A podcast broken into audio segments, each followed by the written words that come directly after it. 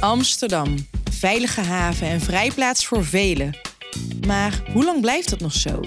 Want door het tekort aan betaalbare woningen vinden woonstarters moeilijk een plek in de stad. Wat betekent dat voor Amsterdam en voor de jongeren zelf? En waar zitten de oplossingen? Dat onderzoek ik, René van Heteren, in Starten in Amsterdam. Een vijfdelige podcast van Woonstichting Lieve de Kei.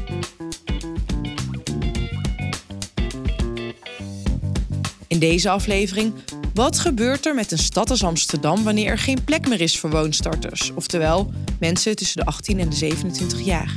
Wat doet dat met de dynamiek, de economie en de manier waarop Amsterdammers samenleven? Ja, ik denk dat je dan dus gewoon een enorm gestreste samenleving krijgt. Daarover zometeen meer.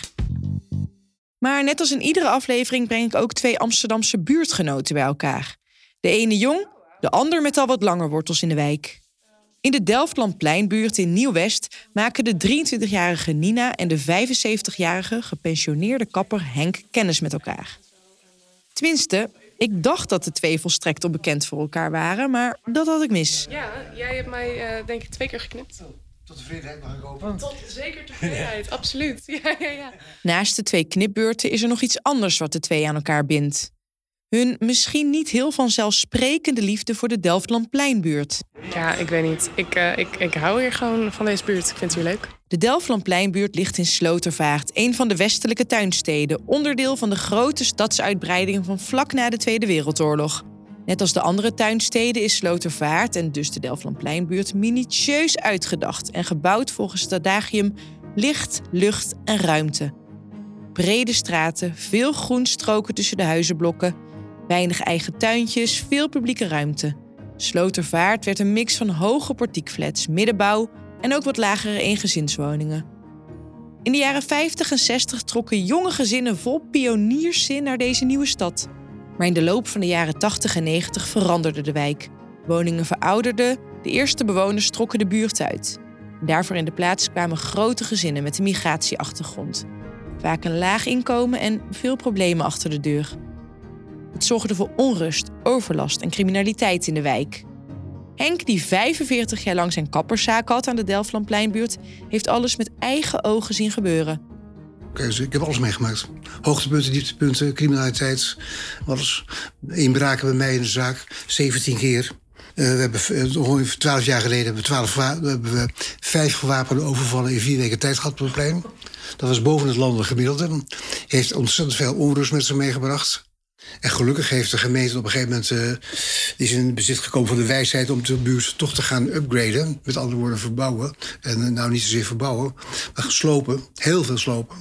En toen, uh, ja, toen is wat je noemt de welvaart weer teruggekomen. De afgelopen jaren is de wijk inderdaad flink op de schop gegaan.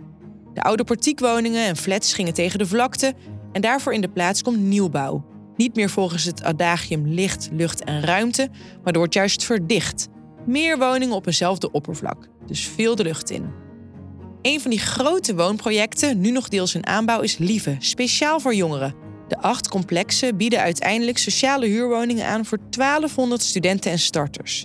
En een van de bewoners is dus Nina. Ze is er erg blij. Het is super nieuw, het is super goed geïsoleerd. En uh, we hebben bijvoorbeeld vloerverwarming. Dat, ja, ik, weet niet, ik weet niet waarom ze dat erin hebben gedaan. maar ik ben er heel blij mee. Ik vraag haar of ze de verhalen van Henk herkent. Nou, niet in deze, niet in deze vorm. Ik heb me hier nooit onveilig gevoeld. mensen hebben altijd een soort vooroordeel over, over Nieuw-West, heb ik het gevoel. Heel snel, als, als stadsdeel in Amsterdam. Van, oh, daar wil je echt niet zijn. Ik ben daar altijd hard tegenstander van geweest, uitgesproken ook. Dat ik dacht, joh, kom er eerst zelf een jaar wonen... en zie hoe gezellig en leuk de mensen hier zijn. En ook hoe hoe divers de buurt is, denk ik dat dat zoveel invloed heeft op, op hoe gezellig het en fijn het hier is om te wonen. Want er zijn hier gezinnen, er zijn hier studenten, er zijn hier starters, maar ook ouderen, mensen van begeleid wonen ook. En ik weet niet, ik, die, die mix, ik heb dat nog nooit zo ergens anders meegemaakt waar ik heb gewoond. Maar ik heb me hier nooit. Nee, ik, ik, het verbaast me wel echt dat je dit zo vertelt. Maar ook hoe het dus hoe anders het is voor mij als eigenlijk nieuwe bewoner van deze wijk. Ja. Ondanks de criminaliteit heeft Henk nooit overwogen de wijk te verlaten. Ik ben altijd optimistisch gebleven over deze buurt, dat wel hoor. Hoe kwam dat? Dat je dat optimisme behield? Nou, ik ben optimist van uh, huis uit, heel gewoon. ja. Ik stond nooit bij de pakken neergezeten. En ik heb één spreuk, ik win altijd. En dat is dat. Zometeen ga ik de buurt in met Henk en Nina. Maar eerst hoor je Jos Gadet, hoofdplanoloog bij de gemeente Amsterdam. Als iemand begrijpt wat Nina bedoelt als ze het heeft over de diversiteit in haar wijk en hoe leuk dat is, dan is hij het. Al van jongs af aan heeft de stad juist om die reden op hem een ongelofelijke aantrekkingskracht. Eh, toen ik naar Maastricht ging voor de eerste keer met mijn vader. Waar woonde je toen? Ik woonde in Limburg, eh, vlakbij in Elslo. Mm nou, dat vond ik zo indrukwekkend. Dat was allemaal zo anders dan bij ons. En dat heeft blijkbaar een klikje eh, in mijn hoofd omgezet. Dat wilde ik snappen. Dat wil ik begrijpen. Dus vanaf jongs af aan wilde je naar de stad. En dat is toen Amsterdam geworden? Dat is Amsterdam geworden. Wat is het wat je daar zo aan fascineert? De diversiteit. Diversiteit aan mensen, diversiteit aan uh, bedrijvigheid, diversiteit aan verschijningsvormen, diversiteit all over the place. Je raakt zo gebiologeerd. Voor zijn werk bij de gemeente houdt Jos zich onder andere bezig met de omgevingsvisie, de Amsterdamse economie van morgen en gebiedsontwikkeling. Volgens hem is diversiteit niet alleen interessant, maar voor een stad als Amsterdam vooral ook broodnodig. En dat heeft te maken met. De kenniseconomie, dat is een bepaalde vorm van economie, die is gebaseerd op interactie. De toegevoegde waarde. Mhm die produceren we uh, met onze hersentjes. Hè. Uh, jij en ik hebben nu een gesprek. Nou, dat is, daar, ontstaat iets uit. En dat vormt toegevoegde waarde. In de beta-wetenschap, in de alfa-wetenschap, in de gamma-wetenschap. Door te ouwe hoeren, mm zoals Ewald Engelen, een geograaf uit Amsterdam, maken we geld. Dus je moet mensen zien. Je moet, uh, je moet contact, je moet die gedachten uitwisselen. Je moet nieuwe gedachten opdoen. En dat doe je door met veel en door met veel verschillende mensen in contact te komen. Dus het is eigenlijk een economische behoefte om in zo'n setting te zijn waar heel veel mensen zijn. En dat is de stad. En voor het uitwisselen van die ideeën en het gaande houden van die kenniseconomie zijn jongeren volgens hem cruciaal. De definitie van een stad is dat er een veelheid een veelsoortigheid aan mensen is. En studenten vormen daar een belangrijk onderdeel van. Studenten brengen een stad op ideeën. Of ook studenten zorgen voor nieuwe ontwikkelingen in de stad. Studenten zorgen voor nieuwe culturele uitingen. Uh, jongeren, uh, ik heb het steeds over studenten, maar ik bedoel jongeren. Jongeren zorgen voor, uh, voor nieuwe tenten of ontdekken nieuwe tenten. jongeren nemen genoegen met de rafelrandjes van de stad en proberen dat te ontwikkelen. En daarbij zijn jongeren zijn de werkers aan de, eh, de gearriveerden van later. Ja, die wil je natuurlijk aan je stad binden. Mhm, mhm. Dus het is voor een stad niet gezond en voor jongeren niet gezond als die toegang gefrustreerd is. Het baart Jos zorgen dat het voor jongeren nu zo ongelooflijk lastig is een fatsoenlijke woning te vinden. Ik vroeg hem wat er met Amsterdam zou gebeuren als er niks verandert en starters de stad massaal links zouden laten liggen. Als jongeren ontbreken, uh, de jeu, de kleur, de aantrekkingskracht, de levendigheid van een stad. Je hebt steden zonder universiteiten, die zijn zonder meer een stuk ja, saaier. En hebben ook minder aantrekkingskracht op toeristen en ook op bedrijven. Want studenten zijn ook voor bedrijven interessant. Hè. Dat zijn potentiële werknemers. En eh, jongeren leven ook echt in de stad. Jongeren zijn stedelingen ja, die zijn in de bloei van hun leven. En elke seconde genieten ze of willen ze iets doen. En ook al hebben ze niet veel geld te verteren, dat geld dat ze hebben, dat verteren ze in de stad. Dat, dat komt de stad ook allemaal ten uh, goede. Ja. En nogmaals, ze zijn bij uitstek de groep die het culturele leven vernieuwt, vormgeeft en ook vult, als het ware. Sluit je jongeren uit dan heeft dat dus een negatieve impact op de economie, het culturele leven en de leefbaarheid van de stad. Laten we het eens andersom bekijken. Wat gebeurt er in een buurt als er ineens veel jongeren komen te wonen?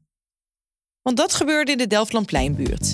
De moderne appartementencomplexen met woningen die nog een stuk betaalbaarder zijn dan in andere delen van de stad, trekken een jongere bevolking aan. In de afgelopen acht jaar groeide het aantal inwoners van de Delftlandpleinbuurt van ongeveer 2500 mensen naar bijna 4000. En een groot deel daarvan is zo rond de 25 jaar jong. Nou, we horen ook al het, uh, het bouwgeweld. Ja, ja. Vandaag valt het mee. we staan op Nina's balkon op de zesde verdieping en kijken uit over de binnenplaats van Lieve. Dit is, dit is onze binnentuin, ja. Ehm, gemeenschappelijk is die. En we hebben hier ook wat moestuinbakken staan. Ehm, ehm, dus dit is een beetje onze, ja, onze gemeenschappelijke eh, ruimte. Uh, ook voor ontmoeting en zo. De, dit gebouw is ook echt wel gebouwd met het idee van dat buren elkaar tegen kunnen komen. En een gesprekje met elkaar kunnen aangaan. Dat, dat soort dingen. Henk, toen jouw zaak nog, uh, of toen je daar nog zat, ben je hier wel eens geweest? In deze appartementen niet. Maar het ziet er schitterend uit. Fantastisch. Ja, het is echt geweldig hoor. Buitengewoon. Daarom heb ik wel vertrouwen gehad in deze buurt. Als we hier zo om ons heen kijken, uh, hele groene binnentuin, uh, mooie appartementen... en dan een hele hoop hijskranen op de, op de achtergrond. Daar moet, je, daar moet je doorheen kijken. Ik zie dat al niet meer. Nee.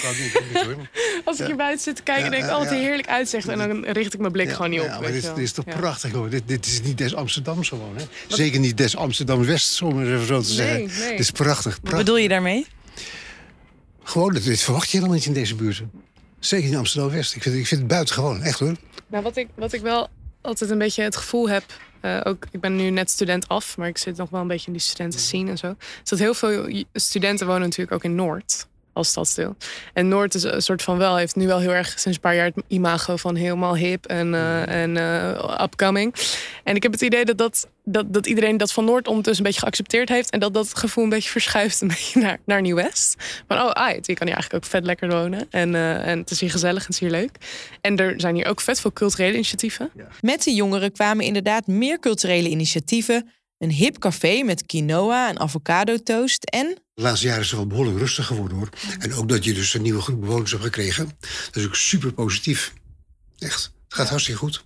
Het aantal inbraak is volgens mij ook sterk verminderd. Bij mij pleit ik ook eigenlijk zo goed als niets meer gehoord. Een groter gevoel van veiligheid dus. Toch stond niet de hele buurt te juichen toen de jongeren kwamen. Ouderen die waren niet altijd positief, moet ik eerlijk zeggen. Waarom niet? Omdat ze vonden dat de jongeren geen, niet altijd veel binding, binding met de buurt hadden. Oh ja? Ja, dat was toen wel een klacht die ik niet van iedereen hoorde. Maar wel van, echt van die hele traditionele ouderen. Die wel aan het uitsterven zijn, moet ik zeggen hoor. Maar overal, ja, die zeiden ja, ze geven feestjes en ze zijn een beetje rumoerig. En je hoort ze niet veel. Maar over het algemeen, nou, zelf heb ik er problemen gehad. Ja, want Nina, heb jij daar iets van gemerkt? Merk je daar nu nog iets van in het contact met uh, andere buurtbewoners? Dat ze wellicht een beetje niet al te positief staan tegenover zoveel jongeren in de buurt? Of, of zijn ze juist heel blij met jullie? Het verschilt. Ik denk dat de meeste mensen die ik spreek en waar die dus al de eerste stap nemen om het gesprek met mij aan te gaan, zijn overwegend wel heel positief. En, en ook toen we een beetje gingen kijken of we linkjes konden leggen met, met buurtinitiatieven zoals HVO Querido en, en uh, de Pondok. Ken je dat? Pondok op de Poldijkstraat. Ja. Uh, een soort van open, open ruimte waar je dan, uh, weet ik veel, schaaktoernooien en kan dansen en zo.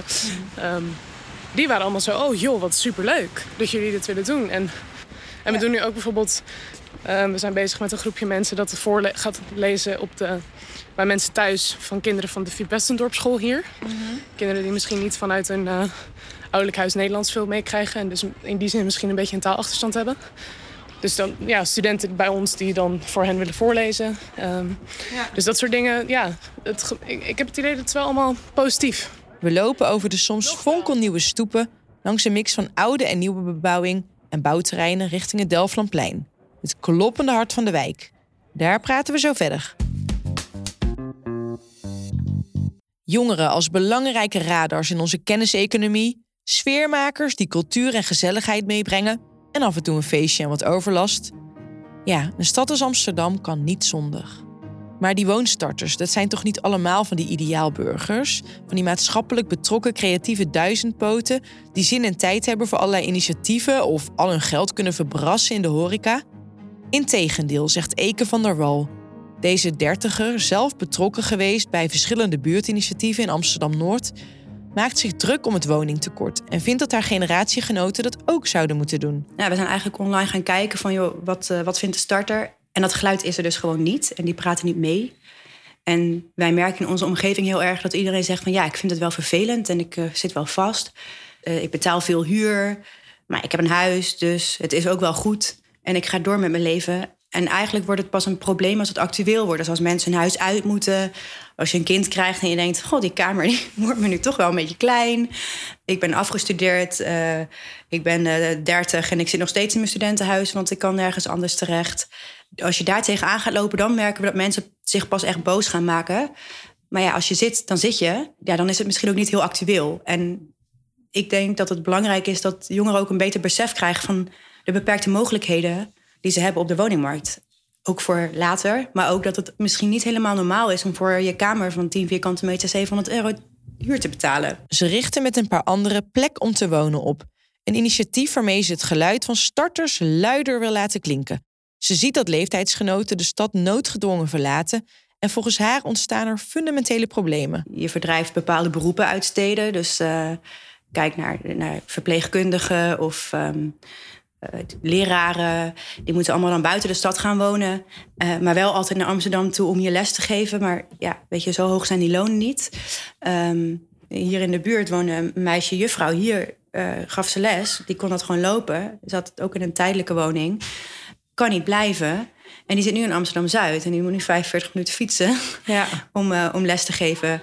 En dat is dan iemand die nou ja, nog wel in de stad blijft. Maar ja, hoeveel verder kan je, kan je gaan wonen? Ja. Um, om, om dat de beroep te blijven doen. En dan krijg je ook mensen die zeggen: Oké, okay, ik ga wel in Nijmegen op een basisschool lesgeven. Ja. En dat is ook een tendens die je ziet: is dat jonge gezinnen hier ook weg moeten. En dat de faciliteiten hier voor scholen veel minder worden. Je hebt niet meer zulke goede docenten. Ja, dus als mensen vertrekken, vertrekken er ook heel veel voorzieningen. Ja, ja. ja. ja ik vraag me gewoon af, wat, wat blijft er over in een stad? Amsterdam kampt inderdaad al jaren met een tekort aan handen... in onder andere de bouw, de zorg en het onderwijs. Dat heeft verschillende oorzaken, maar het woningtekort speelt zeker een rol. Onderwijswethouder Marjolein Moorman zei onlangs tegen AT5... dat de huizenmarkt het bijna onmogelijk maakt voor leraren om in de stad te wonen... Hoewel de stad ieder jaar 50 tot 100 sociale huurwoningen en ook nog eens 50 tot 100 middeldure huurwoningen beschikbaar stelt voor onderwijs- en zorgpersoneel, zet dat niet echt zoden aan de dijk. Illustreert ook het verhaal van basisschoollerares Esmee. Aan NH Nieuws vertelde ze dat ze haar studentenwoning moet verlaten, maar niks nieuws kan vinden. Met een middeninkomen val je eigenlijk tussen wel en schip. Ik verdien te veel, uh, samen met mijn vriend ook, verdienen we te veel voor sociale huurwoningen. En we verdienen eigenlijk te weinig voor de vrije sector. Want daar worden echt bizar hoge huurprijzen en inkomenseisen gevraagd. Dus verruilt ze Amsterdam voor Amersfoort en zit groep 3 van haar basisschool zonder juf. En dat terwijl die school juist staat in een buurt met een groot lerarentekort. Uit de staat van de stad van 2021, dat is een rapport van de dienst Onderzoek en Statistiek van de gemeente Amsterdam, blijkt dat dit soort ontwikkelingen ongelijkheid in de stad vergroten. Een angst die Eke ook deelt. Ze vreest dat Amsterdammers de binding met elkaar verliezen. Ik denk, je krijgt een bepaalde groep, een beetje eentonige groep. Dus je krijgt een beetje de elite. Ja. Uh, maar je krijgt ook nog de sociale huurders. Dus je creëert ook een enorme kloof in mensen en waar die wonen, die elkaar ook niet meer lijken te vinden. Waarin nou, de een 2000 euro huur kan betalen en de ander 500 euro uh, betaalt. Dat zie je nu al. Um, en ze niet eens van elkaars werelden. Het besef van geld is zo anders in die werelden. Waar iemand van 2000 euro zegt: Ach ja, dat doe ik even en ik heb ook nog dat over. Um, terwijl zij leven, uh, uh, dan heb ik het ook over mijn buren. Die leven op 1000 euro in de maand. Ja, met drie kind, twee kinderen, met z'n drieën. Ja. Dus hè, en en die, die, die elkaar niet meer. Want de, de, de geldverdieners die zijn de hele tijd weg. De anderen die moeten daar tegenaan kijken. Ja, ik, ik vraag me af wat dat ook doet met verbinding tussen die mensen. In Nieuw-West zijn deze zorgen even ver weg. Ik loop inmiddels met Henk en Nina over Delftlandplein. Een plein geflankeerd door de A10 en galerijflats. Met winkels op de begane grond. Er hangen bloemen aan lantaarnpalen en op bankjes kletsen vrouwen met elkaar. Voor Henk is het plein een warm bad. Alles goed? Ja. Prima, joh, prima. Pensionado, hè? Mijn kapperszaak is daar helemaal op het eens. Ik werp even een blik in Henks oude zaak. Het moderne interieur heeft hij erin gezet toen de jongeren kwamen. Zelf blijft hij liever buiten staan voor wat praatjes. Komt even een collega van Henk ja, ik ben Marjolein natuurlijk ook. voor een podcast. Ik vraag Nina of zij denkt dat er de komende tijd plek blijft voor jongeren in haar buurt. Ik denk wel dat bijvoorbeeld de, de kruid van de Lido en de Albert Heijn zijn allemaal ontzettend gerenoveerd. En daar werken eigenlijk alleen maar jonge mensen. En dat, dat zijn allemaal lokale, lokale mensen. En ik heb, bij de Appie heb ik bijvoorbeeld heel erg het gevoel dat daar helemaal vriendengroepen werken en zo. Die staan met z'n allen te vullen. Hé hey man, dit, dat. En ik weet niet, maar dat zijn nog, het is nog een beetje scholierenleeftijd, denk ik, toch? Ja, ja, jawel. Maar dat zijn dus wel, ik weet niet. Ik heb me wel altijd, ik heb mezelf nooit heel erg thuis gevoeld op de plek waar ik ben opgegroeid. En ik zocht ook heel erg dat naar Amsterdam en het, en het, uh, het andere soort leven. Maar ik kan me voorstellen als je in zo'n wijk zit die dus eigenlijk heel erg aan, in, in, in flux is, aan het veranderen is. Uh, en dat je je daar op je gemak voelt als scholier. Lijkt me dat je ook sneller geneigd bent om hier te willen blijven wonen als je dan eenmaal gaat studeren. Als je dan daarna uh, een gezin wil starten. Ik weet niet. Ik denk dat dit dat het in die zin ook wel potentie biedt voor een, een, een langer leven hier dan alleen hier even, even zijn. Ja. ja. En hoe zie jij dat voor jezelf? Ik wil hier niet weg. Nee, zeker niet. Ik moet over drie jaar in principe dit huis uit. En voor die tijd wil ik echt wel geprobeerd hebben om hier ja, iets te vinden. Waarom hier? Wat maakt deze plek voor jou zo... Uh, wat maakt de Delftland-Pleinbuurt voor jou zo geweldig? Ja, ik weet niet. Het is, het, is heel het is voor mij speciaal omdat ik er veel mee bezig ben geweest al de afgelopen twee jaar van mijn leven. Ik heb echt het gevoel dat ik, dat ik onderdeel ben van het, van het opbouwen van, of het verder bouwen eigenlijk. Ja, opbouwen is niet, want we waren al een heel eind. Ik voel me gewoon heel erg thuis. Ik denk een combinatie van het langs de straat lopen, hoor je zeggen omdat je mensen kent. Um, en uh, alle voorzieningen die er zijn, is meer dan genoeg. Uh, maar ook heel praktisch gezien kan je hier veel goedkoper wonen dan op andere plekken in Amsterdam. En uh, net zo leuk, minstens net zo leuk. Jullie kenden elkaar, nou ja, een beetje, maar niet, niet echt. Je was je er denk ik niet bewust van, Henk, dat nee, nee, nee, uh, Nina wel eens ja, bij jou in de kapperstoel... Hoe is het dan voor jou om in zo'n uh, jongerenwoning te zijn, in zo'n complex... en op pad te gaan met haar en haar te horen praten? Leuk. Ontzettend leuk. Ja, natuurlijk staat het voor open. Ik zeg ook, ik ben altijd gewend met jongeren om te gaan. Dus ik vind het hartstikke positief. Ja. Ja, ja. Jong, jong, van geesten. Ja, zeer jong, jong van geesten. En zo blijf je jong van geesten. Ja, ja heel belangrijk. Ja. Gaan jullie nog een keer een koffietje doen? Of? Als we elkaar tegenkomen, zeker. Als moeten we afspraken, afspraken maken zo. We komen elkaar vast nog een keer tegen. Hoewel er in de Delftland-Pleinbuurt veel werk te verzetten is... laat het verhaal van Henk en Nina zien dat jongeren een waardevolle bijdrage kunnen leveren aan hun buurt en dus de stad. En daarom moet er nu iets gebeuren, zegt hoofdplanoloog Jos Gadet. Kijk, als er niks gebeurt, het meest erge doemscenario is dat de stad elitair wordt. Dat de stad echt alleen maar voor mensen wordt die het kunnen betalen, die het willen betalen. Daarmee sluit je heel veel groepen uit. Dat is op zich al uh, uh, uh, iets tegen te zeggen. Dat is onrechtvaardig. maar ook belangrijk is dat dan de dynamiek in een stad verdwijnt. Dat een stad alleen nog maar, ja, dan krijg je een soort Venetië. Um, dat mooi is, maar waar niets meer gebeurt. En uiteindelijk is dat de dood in de pot. Een stad die niet divers is op alle fronten, die is uiteindelijk ten dode opgeschreven. Soms herleeft ze wel weer hoor, na een aantal jaren. Uh, dat is het ergste doemscenario. Als jongeren, als jongeren niet meer in de stad kunnen wonen, dan zal dat zijn weer, zal dat een beetje geleerd gaan doen, dan zal dat zijn weergaan op de economische dynamiek van een land gaan betekenen. Ik ga ervan uit, dat is altijd zo geweest, en we hebben het ook gezien, dat ja, doordat we van alle kanten worden bedreigd, we ook naar oplossingen gaan zoeken. Dus ik zelf zie, of hoop meer, maar ik heb veel vertrouwen in mijn collega's eh, en ook in ontwikkelaars. En eh, dat we uiteindelijk toch wel ervoor zullen zorgen, puur het eigen belang, dat we daar oplossingen voor gaan zoeken. En voor het vinden van die oplossingen zijn juist jongeren onontbeerlijk, zegt Eke van der Wal. Als ik vraag hoe zij hoopt dat de stad er over een jaar of dertig uitziet. Hoe je wil dat het is of uh, hoe ja, ik hoe denk dat wil. het echt is. Als jij, uh, als jij het voor het zeggen had. Nou, ik zou, ik zou gewoon heel erg hopen dat uh, wonen en huren betaalbaar is. Nou, misschien dat er ook wel gewoon creatieve woonoplossingen gevonden mogen worden. Op dit moment mag, is het ook heel moeilijk als je creatief wil zijn met wonen. Um, want ik denk jongeren van mijn generatie, maar ook de toekomstige jongeren, daar gaan zoveel ideeën zitten die wij nu nog niet kunnen verzinnen. Als je ruimte creëert uh, voor die mensen om dat ook te kunnen realiseren. Nou, misschien uh, wordt Amsterdam wel omringd door allemaal tiny houses met studenten erin. Nou, dat zou heel leuk kunnen zijn. Voor dit soort out-of-the-box oplossingen en nog veel meer luister je de andere afleveringen van Starten in Amsterdam. Een vijfdelige podcastreeks van Woonstichting Lieve de Kei. Je vindt de andere afleveringen op dekei.nl en je favoriete podcast-app. Dank voor het luisteren.